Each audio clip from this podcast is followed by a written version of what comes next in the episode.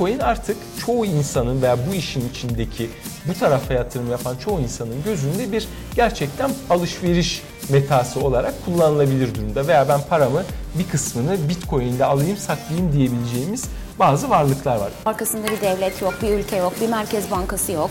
Ee, biraz da özgür ama blockchain teknolojisi de onu oldukça şeffaf bir halde veriyor. Burada da tabii Bitcoin'i en çok ayrıştıran şey Bitcoin arkasında e, hem hiç kimsenin olmaması hem de aslında binlerce kişinin olması gibi bir durum söz konusu. 9 yıldır e, piyasada olan e, bir varlık artık bir balon e, değildir. Volatil e, olmaması gerekiyor. Hani biraz daha dikkat çekmek için biraz sakinleşmesi de gerekiyor. Hani bugün fiyat bu, yarın bu çok oynak. Herkes aynı yönde yukarı yükselmesine, çok yükselmesine karşı pozisyon aldığı zaman tabii bunun fiyat üstünde oluşturduğu dalgalanma boyutu farklı olabiliyor. Kriptometre'de karşınızdayız. Bu programın adı neden kriptometre? Çünkü dijital paraları, kripto paraları konuşuyoruz. Arkasındaki müthiş ve hızla gelişen teknolojiyi, blockchain teknolojisini konuşuyoruz. Neden bu kadar popüler? Daha da popüler olacak mı? Gelecekte alışverişe e, yansıyacak mı? Değeri e, artıyor, artacak mı? E, daha nerelere gidecek? Bütün bu soruların yanıtını arıyoruz. Biraz geleceği yakalamaya çalışıyoruz aslında. Bugün konuklarımız kim? İş Yatırım Uluslararası Piyasalar Müdürü Şant Manukyan, hoş geldiniz. Teşekkürler. Ve BTC Türk CEO'su Özgür Güner'i tekrar birlikteyiz. Merhaba. Merhabalar. Ee, şimdi ofiste baktığımda Şant, e, burası e, kripto paraları aracılık eden Avrupa'nın da sayılı şirketlerinden biri. Türkiye'nin ilk dünyanın dördüncü, Dördüncü. kripto para alıp satım platformuyuz. Ee, evet. Artık böyle platformlar oluşmuş durumda e, kripto paralarla ilgili. Genç, biraz daha teknoloji ağırlıklı çalışan, e, oldukça dinamik bir ofis, Evet. iş yeri. Şimdi bu ofisler önümüzdeki günlerde artar mı? Yani e, sizin portföylerinize ve iş e, yapış şeklinize kripto paralar daha fazla girer mi? Sen nasıl öngörüyorsun geleceği, kripto paraların bu gelecekteki yerini, bu dönüşümü? Şimdi muhakkak girer. Yani aslında sorunun e, net cevabı bu. Ama tabii bu ne hızda olacak o biraz regülasyonlara da e, bağlı bir konu. E, genel piyasanın buraya olan yaklaşımına da bağlı. Yani regülatörler bu konuya soğuk durursa sadece Türkiye'den bahsetmiyorum. Amerika için de geçerli, Japonya için de geçerli veya bunun tam tersi örnekler var. İşte Malta tarafı veya Estonya tarafı gibi. E, soğuk durursa, regülasyonlar bu işin yapılmasını zorlaştırırsa veya regülasyon tarafı çözülse bile vergi kısmında bir e, netlik olmazsa veya kolaylaştırıcı, zorlaştırıcı bazı adımlar atılırsa e, bu adaptasyon hızını e, Yavaşlatır. elbette yavaşlatıp hızlandıracak bir gelişme. Ama dönüp de baktığımda ben belki bu soruyu sen sorarsın, belki gelir geliyordur bu soru. Ben şimdiden cevabını vereyim. 9 yıldır piyasada olan bir varlık artık bir balon değildir. Yani ortadan kaybolacak. E, Dolayısıyla e, bu bir balonu alıp satıyoruz düşüncesini ben çok doğru bulmuyorum. Artık yavaş yavaş kendisine bir yer edinmiş e, varlıktan bahsediyoruz. O açıdan da e, potansiyeli yüksek. Peki dünyadaki durumunu biraz bize Özgür Bey'le birlikte de anlatabilir misiniz? Ee, şimdi e, arkasında bir devlet yok, bir ülke yok, bir merkez bankası yok. Ee, biraz da özgür ama blockchain teknolojisi de onu oldukça şeffaf bir halde veriyor. Ee, dolayısıyla denetimi bir yandan zor, bir yandan kolay e, gibi bir durumu da var. Hangi ülkelerde çok yaygın, hangi ülkelerde gelişiyor, hangi ülkeler nasıl bakıyor, Ee, aksaklıklar ne e, gibi sorulara nasıl cevap veriyorsunuz? Yani dünyadaki yeri Benden mi başlıyoruz? başlayalım. Tamam peki. E, şimdi tabii orada Uluslararası e, piyasalar müdürü olunca tabii bu anlamda da birkaç tane Merak ederiz. aslında e, kol var diyebiliriz. Yani bir yandan evet e, şeffaf denetimi kolay olabilir ama diğer yandan da e, çok zor bir halinde sokabilirsiniz isterseniz. Yani bir de merkez bankaları üzerine- başka bir para birimini sevmez. Tabii o, Ya, o, o tamamen var. var. olan bir konu ama onun dışında mesela Monero gibi bir e, kriptoyu kontrol altında tutmak, kim ne yapıyor e, görmek çok zor. E, Bitcoin'de e, birkaç yıldır e, artık e, Danimarka başka olmak üzere diğer bazı ülkelerin de siber polisleri takip edebilir hale geldi ama e, örneğin orada da bir mikser teknolojisi kullanarak e, işi çok karışık hale getirebilirsiniz. Dolayısıyla e, biraz aslında e, kanunun gözü önünde bu işe şüpheyle yaklaşılmasını ben doğal karşılıyorum. Ama şu da çok e, yanlış bir söylem. Yani bu para birimleri geldi tamamen e, kanun dışı işlerde kullanılıyor. Gözle bakarsak nakit para da aslında kanun dışı işlerde kullanılıyor. Hani hep derler ya bir e, şehir efsanesi midir doğru mudur bilmiyorum ama 100 doların üzerinde eser miktarda uyuşturucu bulunur. Çünkü en çok kullanılan e, şey Para. odur e, para. E, dolayısıyla Banknot o. e, tabii dolayısıyla e, yani problemleri olduğu kesin ama dönüp baktığımızda e, ben özellikle Amerika'da olan biteni e, çok önemsiyorum. Gerçi bu konuda Japonya'da, Çin'de ne olduğu da, Güney Kore'de ne olduğu da önemli ama e, Amerika'da e, SEC düzenli olarak e, örneğin ETF başvurularını devreye alıyor, reddediyor. Devreye alıyor, reddediyor. Şimdi önümüzde bir başvuru daha var. Bu defa e, konunun daha ağır abileri e, işin içinde. Dolayısıyla piyasanın e, merak ettiği noktalardan bir tanesi olacaktır o. E, ikincisi yine e, ICE borsasının işin içinde olduğu işte Starbucks'ın, Microsoft'un vesaire Bakkt platformu var. O kullanımı yaygınlaştıracak insanların ve büyük şirketlerin biraz daha bu işin içine girmesini sağlayacak bir gelişme. E, böyle baktığım zaman ben e, olumlu gelişmeler olduğunu görüyorum. E, yalnız tabii şunu söylemek doğru olur. E, bence artık yeterince büyük bir kesim zaten e, bu konuya hakim olmaya başladı. Konuya en azından çok uzak değil. Bundan sonra biz bir fiyat hareketi bekliyorsak ki seyredenler musunuz? sonunda bunu, Bunu şey yapacaktık. Bekliyoruz ama bunun olması için Bitcoin neymiş ben de bir alayım değil Bitcoin'i kullanıyorum noktasına gelmesi lazım. Veya X coin işte Ripple artık e, hakikaten Günlük hayata biraz- fonksiyonu var diyebileceğimiz Evet. noktaya gelmesi lazım. Yakın mı o? E, çok yaygın bir şekilde olması ilk başta dediğim gibi hem regülasyona hem daha önemlisi vergi kural kanunlarına Onlara bağlı bağlı. olacak. O yüzden o kadar yakın değil ama teknolojik olarak e, yakın mı burada zaten. Teknoloji olarak yakın mı? Bence e, teknoloji olarak Yani yakınız. herke- bütün konuklarımız aynı şeyi söylüyor Özgür Bey. Yani yaygınlaşması, günlük hayata girmesi ve ülkelerin e, bakış açısına biraz da bağlı. Evet. Burada önemli noktalardan bir tanesi kullanıcı deneyimini hep onu vurgulamaya çalışıyorum. Hem güvenlik tarafında hem alım satım tarafında rahatlıkla yapabilecekleri ve ortalama bir vatandaşın bile çok fazla teknik bilgi biriktirmeden e, en azından konsepti anlayıp rahatlıkla kullanabilir hale gelmesi lazım. Yine e-mail örneğini verecek olursak e-mail de aslında bayağı karışık bir protokol.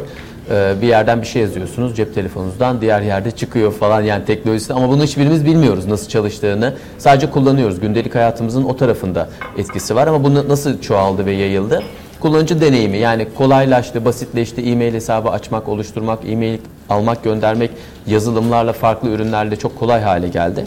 O yüzden Bitcoin başta olmak üzere kripto paralarda da böyle bir trendi biz endüstri olarak ortaya koyabilirsek bunun olumlu sonuçları illaki kullanıma da yansıyacaktır. Platformlar açısından ve kripto paraların uluslararası yaklaşım açısından bakıldığımızda Asya'da inanılmaz bir yükseliş Asya. olduğunu görüyoruz. Yani Kore, Zaten Japonya, doğuş biraz da parada Çin'e, kağıt Çin'e bağlı ya. ya bir yandan işte Çin Asya yasakladı diyoruz ama e, kripto para alıp satan Çinli çok sayıda e, kullanıcı olduğunu da biliyoruz. Dolayısıyla bu anlamda bakıldığında aslında e, hem uzak doğuda hem batıda olan gelişmeler e, çok büyük önem taşıyor. Burada bir de e, zaman zaman dezenformasyon süreci olduğunu da düşünüyorum ben. Hatırlayacak olursanız yılbaşında Güney Kore'de işte platformlar yasaklandı, e, yöneticileri hapse atıldı gibi haberler görüyorduk ama aslında Güney Kore'nin yaptığı yasaklama veya düzenleme işte isimsiz ya da e, Facebook'ta hesap açar gibi ya da Twitter'da hesap açar gibi adınızı soyadınızı vermeden açtığınız hesaplar veya öyle çalışan şirketleri etkiliyordu. Ama bugün e, belirgin hatlarıyla orada bir iş yapmak istediğinizde Kore'de bir platform açmak istediğinizde bunun e, net olmasa bile belirgin çerçevede bir regülasyonu var. Japonya'da örneğin ICO'lar için bir whitelist denen bir liste var. Orada eğer varsa regülasyon tarafından tanındıysa alıp platforma ekleyebiliyorsunuz gibi. Bir yandan o Güveni tarafta da artırıyor. artırıyor. Regülasyon regülatörlerin yavaş yavaş sektörü anlamasına, o tarafta karar almasına yardımcı oluyor. Sizin gibi kuruluşlar aracılık ediyor. O Aynen öyle. Bir de en son geçenlerde e, Fransa'nın ICO'larla ilgili yaptığı bazı e, adımlar var. E, bu initial coin offering dediğimiz yani aslında çeşitli yatırım fikirlerinin veya e, işlerin, e, ürünlerin, varlıkların bir nevi kripto para üzerinden e, işlem görebilir hale gelmesi için onların örneğin bir e, arzusu ve isteği var Avrupa Birliği genelinde belki de hatta belki de global ölçekte lider olmaya çalışmak gibi. O yüzden ülkeler yavaş yavaş bu tarafa doğru e, adım atmaya da e, Başladı. başladılar. E, bir şöyle çarpıcı örnek daha vereyim. ülke kim? Ee, yani kağıt üstünde Çin tabii. Kağıt Ee, üstünde ama her şey en yasak kar- en e, karşı Çin'de. en Kripto çok paralar. Ama bir yandan da Çin'de e, blockchain platformuydu sanırım. E, devletin de desteklediği bir platform var. Onlar mesela düzenli aralıklarla kripto paraların teknolojisiyle ilgili rapor yayınlıyorlar. İşte bizce bunun teknolojisi şudur. Bunları sıralıyorlar. Rankingleri var. Yani e, bir söyledikleri politikaları var. Bir de gerçek hayatta e, muhtemelen uyguladıkları veya üzerinde çalıştıkları e, politikalar var. E, ama işin özünde e, aynen internet gibi Çin'de internet açısından da belki e, birçok limitler, sıkıntılar veya sansürvari konular var. Bakıldığı zaman dünyadaki en büyük e, elektronik ticaret devi e, Çinli. Ee, ve e, Çin'de internet pazarı veya işte e, Uber'in en büyük rakibi e, Çin'di veya Çin devlet ve veya farklı fonlar kanalıyla bu teknolojiye ciddi yatırım yapıyor. O yüzden eskisi kadar siyah ve beyaz değil Ee, ve gittiğimiz yön itibariyle hiçbir regülatörün veya devletin de buna arkasını dönmesi artık pek kolay olmayacak gibi Şan- duruyor. e, güzel bir şey söyledi. Belki de hani manşeti attı. 9 yıldır e, olan bir şey artık balon demek çok mümkün değil. Dolayısıyla bunu kabul edip buna uyum sağlamak da gerekecek. Mesela portföyler için soruyorlar mı yatırım oranları açısından? E, soruyorlar ama e, şu problem var ki bence aslında kullanımı açısından da e, bu problemin olduğunu düşünüyorum. Bugün e, yani vergiydi, hukuktu vesaire onları Onları bir kenara bıraktığımızı varsayarsak e, Starbucks aslında ben e, kahveyi Bitcoin ile veya Ethereum'la da Ether'le satıyorum dese e, bir 20 yaş kesimi var. Yani biz burada 40 yaş insanları olarak işte anlaşılması zor falan diyoruz belki ama zaten bunu tekniğini de anlayan çok net bir kesim var. Çok hızlı bir şekilde bu işlemler başlayabilir. Buradaki problem şu. Hala çok ciddi anlamda volatil. Yani biz bunun eğer gerçekten günlük hayatta kullanılmasını istiyorsak Biraz e, daha e sakinleşmesi. tabii yani e, 6700 iken Evet, ben çok heyecanlı görüyorsunuz. Evet e, işlemi yapacağım. Bir bakacağım işte SEC'den haber gelmiş 6100'e düşmüş. Şimdi bu olmaz. Yani günlük kullanım açısından baktığımızda bir pratik bir şey değil zaten. Dolayısıyla e, biraz bu tarafın da oturması, biraz sakinleşmesi gerekiyor ki e, net bir şekilde kullanılabilsin. Şimdi finans piyasası açısından da baktığımızda benzer bir e, problem var. Bir varlığın portföye girmesi için ya insanlar bunu spekülatif olarak alıp satmak istiyordur. Bunu alıp satmak istiyorlar. Bunu zaten biliyoruz. E, ikincisi de o portföyün yapısı üzerinde bir etkisi olması lazım. Yani işte neden altın alıyoruz? E, global bir problem çıktığında altın dengeleyebilir diye veya Japon yeni neden e, portföylerde belli oranda olur? Çünkü global bir problem çıktığında işte dolarda vesairede Japon yeni ve İsviçre frangına bir giriş olur. Dolayısıyla portföyün yapısı açısından farklı bir enstrümandır bu. E, henüz bu özelliği de çok 9 yıl kısa bir süre e, finansal piyasalarda bir e, beta ortaya çıkartmak için bu özelliğiyle henüz e, kabul görebilmiş bir e, track rekordu yani geçmişi yok. Ama yavaş yavaş hangi enstrümana hedge olarak kullanılabilir, hangi e, yapıdaki bir portföye koyduğunuz zaman getirisini arttıracak etkisi olur gibi noktalar netleşmeye başlayacaktır. Bu olduğunda e, ana fonlardan işte e, büyük portföylerden vesaire de daha net olarak şey gelebilir, talep gelebilir. Bir de ben burada bir ekleme yapmak Tabii. istiyorum. Şu an e, çok doğru noktalara temas etti. Bir de kurumsal yatırımcılar tarafından aslında işin günlük e, akışlarına, operasyon süreçlerine de kripto paraların biraz daha uyum sağlaması lazım. Örneğin kurumsal bir yatırımcıysanız, bir fonu yönetiyorsanız varlıklarınızın aslında sizde değil, sizin kontrolünüzün dışında başka bir yerde, bir yedi emin gibi bir mekanizmayla saklanıyor ve korunuyor olması lazım. Henüz kurumsal anlamda yeni yeni başlıyor bu hizmetler. Yani bir fon dese ki ben şu kadar bitcoin alıp fonumda taşımak istiyorum ve regülasyon da buna imkan tanısa e, o fonu alıp saklama hizmeti aldığı kuruluşta güvenle saklaması için olan mekanizmaların gelişmesi, işte maker checker dediğimiz e, işin süreçlerini götürürken e, böyle net, şeffaf, hesap verilebilir yapıların kurulması teknik olarak da çok kolay değildi bugüne kadar. Yavaş yavaş bu taraflarda da bir e, ivme oluşmaya başladığını, bu tür hizmet veren kurumların gündeme geldiğini görüyoruz. O yüzden e, bir yandan e, portföy açısından stratejileri geliştirirken, e, yatırım yaparken bazı teknik dinamikler var. Bir yandan bunun saklaması, korunması veya e, değerlemesinin yapılması sürecinde bazı teknikler var. Çünkü 7-24 e, bi- bizim piyasa hiçbir zaman durmuyor. 7-24 devam ediyor. Dolayısıyla bu bunlar zaman içerisinde olgunlaşıyor. Her olgunlaşması aslında kurumsal yatırımcının da buraya girmesi için yeni bir adım anlamına gelecek. Merhaba arkadaşlar. BTC Türk'ün e, benim için hazırladığı sürpriz sorular e, kısmındayız şu anda. E, şimdi ilk soruyla başlıyorum. Bitcoin takar mısın? Soruyu okuyayım. Katıldığınız bir düğünde Bitcoin takar mısınız? Bir Bitcoin takmam. 6000 dolar hayatta takmam. Çok yakın bir akrabam olsa da hayatta hayatta takmam. Ama ufak bir 0000 Bitcoin takarım.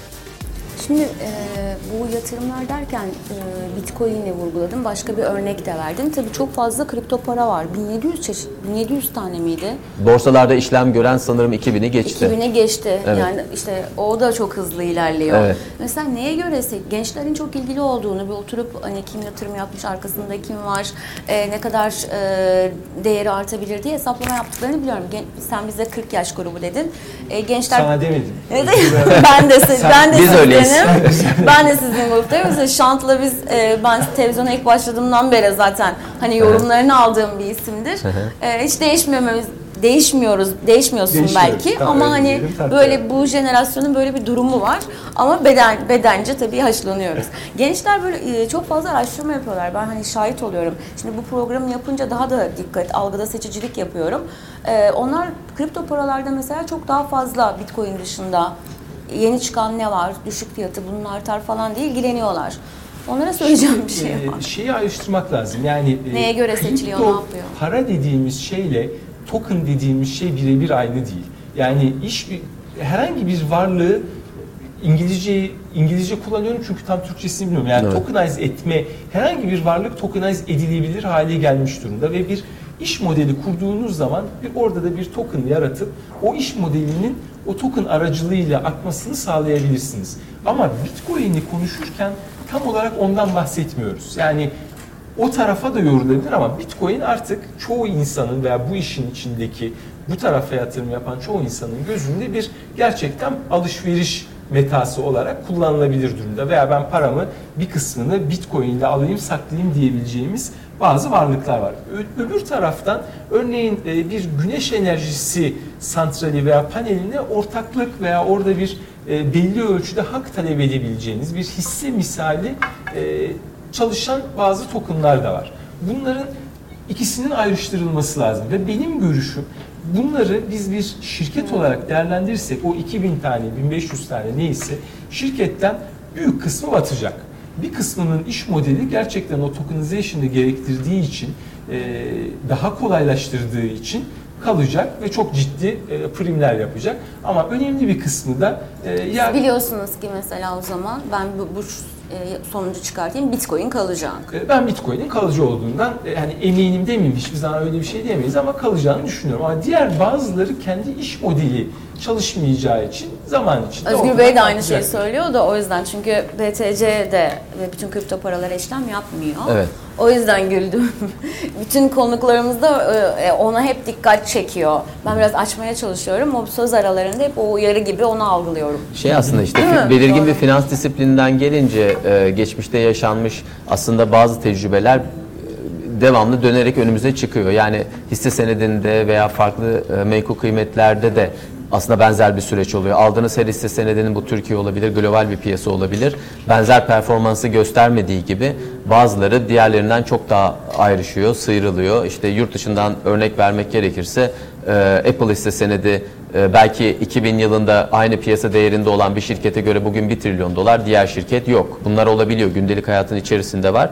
Tabii olayın bir de teknolojik boyutu olması, sadece fikir olarak değil, altyapısının güvenliğinin de işin içinde olması resmi biraz daha karışık hale getiriyor. arkasında hangi grubun yatırımcılarının kim olduğuna ve işlem adedi Çok önemli anlamında tabii. nasıl bir İşte potansiyeli burada da- olduğuna bakmak lazım. Aynen öyle. Burada da tabii Bitcoin'i en çok ayrıştıran şey Bitcoin arkasında e, hem hiç kimsenin olmaması hem de aslında binlerce kişinin olması gibi bir durum söz konusu. Kullanım şeyi Dolayısıyla var, evet onun var.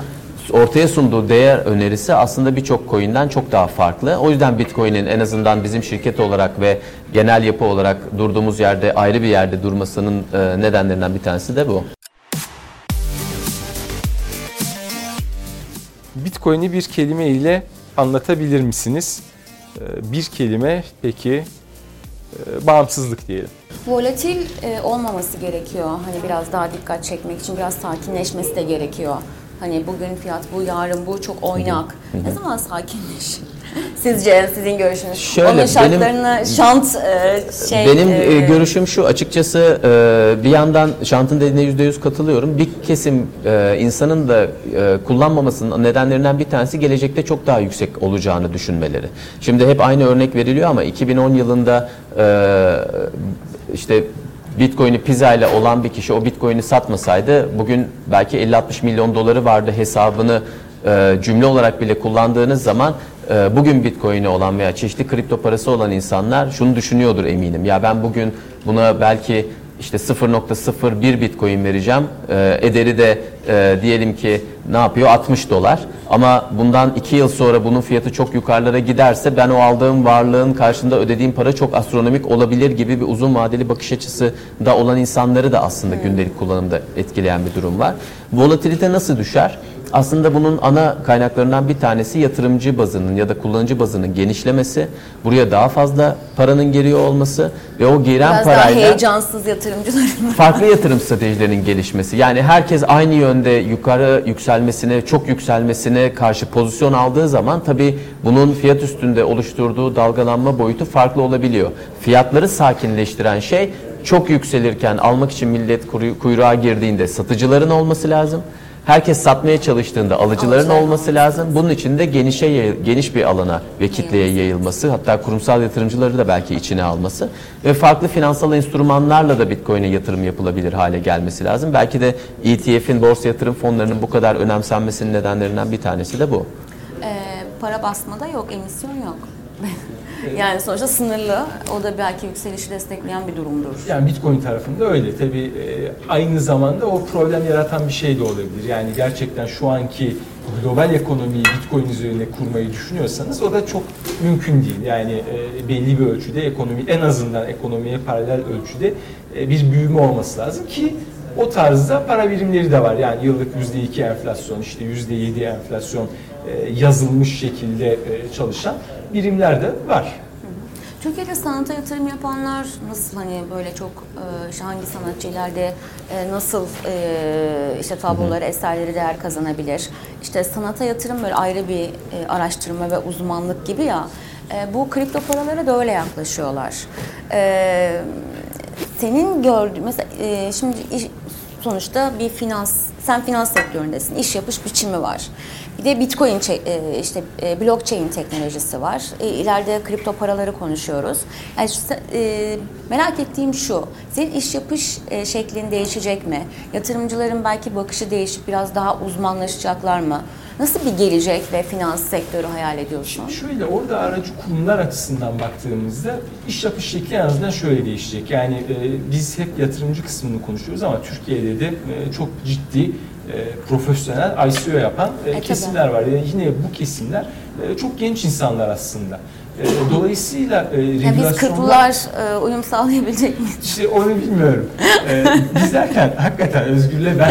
Ya şaka söylüyorum. Ben ben yani şu anda mesela yeni bir program var. Ona adapte olmaya çalışıyorum. Onda bile zorlanıyorum Yani da ondan. çok çalışmak gerekiyor yani ben de Evet, devamlı yani, bu e, şey yorucu. yaparken hatta anlıyorum artık neden insanlar e, yaşantı şu finansal terimleri kullanmasan da hani Türkçesini söylesen diyorlar. Ben de Bitcoin üzerine çalışırken Ben de aynı demin şeyi söylediğin Türkçesini bulamadığım için şu anda yardımcı olamadım üzgünüm. Ee, Şimdi bir defa bu kesim regülasyonlar vesaire e, netleştiğinde aracı kurumlarla da çalışmaya başlayacak. İşte diğer bazı kurumlarla da e, çalışmaya başlayacak. E, Bu ayrı bir konu. Yani aracı kurumlar açısından nasıl M&A'lerden, IPO'lardan, işte halka arzlardan bahsediyorsak e, bu onlar açısından bir iş modeli olabilir önümüzdeki dönemlerde. E, İş ikincisi- yapış şekli anlamında, Tabii, o tabii. teknoloji anlamında mesela. Şimdi iş yapış şekli olarak o biraz finansal piyasaların nereye gittiğine bağlı. Yani ben Nereye gidiyor? kendi başına işte e, şimdi takas bank takas bank olarak mı kalacak e, Türkiye'de yoksa farklı bir e, yapıya mı gidecek? E, SPK e, daha mı gevşek bırakacak bu alanı e, yoksa e, örneğin e, FX kaldıraçlı e, FX konusunda çok güzel bir yapı kuruldu e, Türkiye'de. Çok sorunlar yaşanırken merdiven altında e, bu kurulan yapıyla e, zarar eden olmadı mı? Oldu tartışılır. Kaldıraç oranlarının e, yüksekliği doğru muydu değil miydi? Ama dolandırılan insan olmadı. Çünkü SPK'nın yapısı çok mantıklıydı. E, bu e, kurumların kanun koyucuları nasıl bir yapı hazırladığına bağlı olarak biraz da İş e, bizi etkileyecek. Ama şunu söylemek lazım. Yani bir noktada e, Malta, Estonya, işte X, Y bu tarz şeyleri eğer liberal bir şekilde yaparsa iş buraya kayar. Yani siz ben e, yüzde yüz kontrol sağlayacağım, e, yaprak kımıldatmam derseniz kaybedersiniz diğer tarafa e, gider. Bizdeki yaklaşım hiçbir zaman yaprak kımıldatmam şekli olmuyor. En azından dediğim gibi FX'te gördüğümüz son derece profesyonel bir yapıydı. Öyle bir yapıya doğru bizde de evrileceğini düşünüyorum. O zaman aracı kurumlar, bankalar vesaire de bu işin içinde olacak tabii. Hangi coin olmak isterdiniz? Bana e, Monero çok karizmatik geliyor. Hani e, bir karanlık bir tarafı da var. O yüzden e, nedense Monero benim çok hoşuma gidiyor. Blockchain teknolojisiyle beraber arkasında blockchain teknolojisi var diyoruz. O teknoloji hızla e, gelişiyor. Aynı internet gibi yarın nereye varacağını bilmiyoruz. Sadece izliyoruz. Şimdi siz finans sektöründen geliyorsunuz ya. e, eskiyi ve yeniyi e, karşılaştırın. Şimdi bir kere yeni dünya e, Yeni düzeninde, yeni finansal düzende bence blockchain'in ve kripto paraların da belki kullanılmasıyla aracıların e, durumu zorlaşacak şu anlamda. Yani siz çok daha güvenle e, ve çok daha ucuza e, saklama imkanı sunabileceksiniz. Belki Takas Bank'ın iş yapış yöntemi değişecek. Belki ücretleri e, aldığı ücretler azalacak. Sınırlar kalkacak. Benim inandığım en önemli şeylerden bir tanesi o. Şu anda menkul kıymetler tarafında özellikle çok böyle e, kompartmanlar bazında çalışıyor. Yani Amerika'daki bir menkul kıymetin Avrupa'da alınıp satılması için çok uzun bir süreç geçirip belki de yatırımcılarla bu menkul kıymetleri buluşturabiliyorsunuz. O yüzden gelecekle ilgili öngörü yaparsak e, bence kullanıcının daha fazla söz sahibi olduğu bu hem varlıklarında hem işlem süreçlerinde hem takas süreçlerinde gibi e, daha verimli bir dünya gideceğiz. Bence zaten olması gereken o. Eğer blockchain'de kripto paralarda bir ihtiyacı görmüyor ise ee, ve hayatımıza bir yenilik katmıyor ise zaten yaşamaları mümkün olmayacak. Ben hep öyle bakıyorum olaya. Ne değer önerisi ortaya koyuyorlar ve bunu gerçekleştirebiliyorlar mı? Ama asıl e, hayatımıza dokunacak e, fikirlerin henüz de gelişmediğini e, inanıyorum. E, onları zaman içinde yaşayıp göreceğiz. E, ama yeni nesil bir finansal enstrümanlar grubunun ve iş yapış yönteminin de hızla yaklaştığı da e, gayet net bir şekilde görülebiliyor.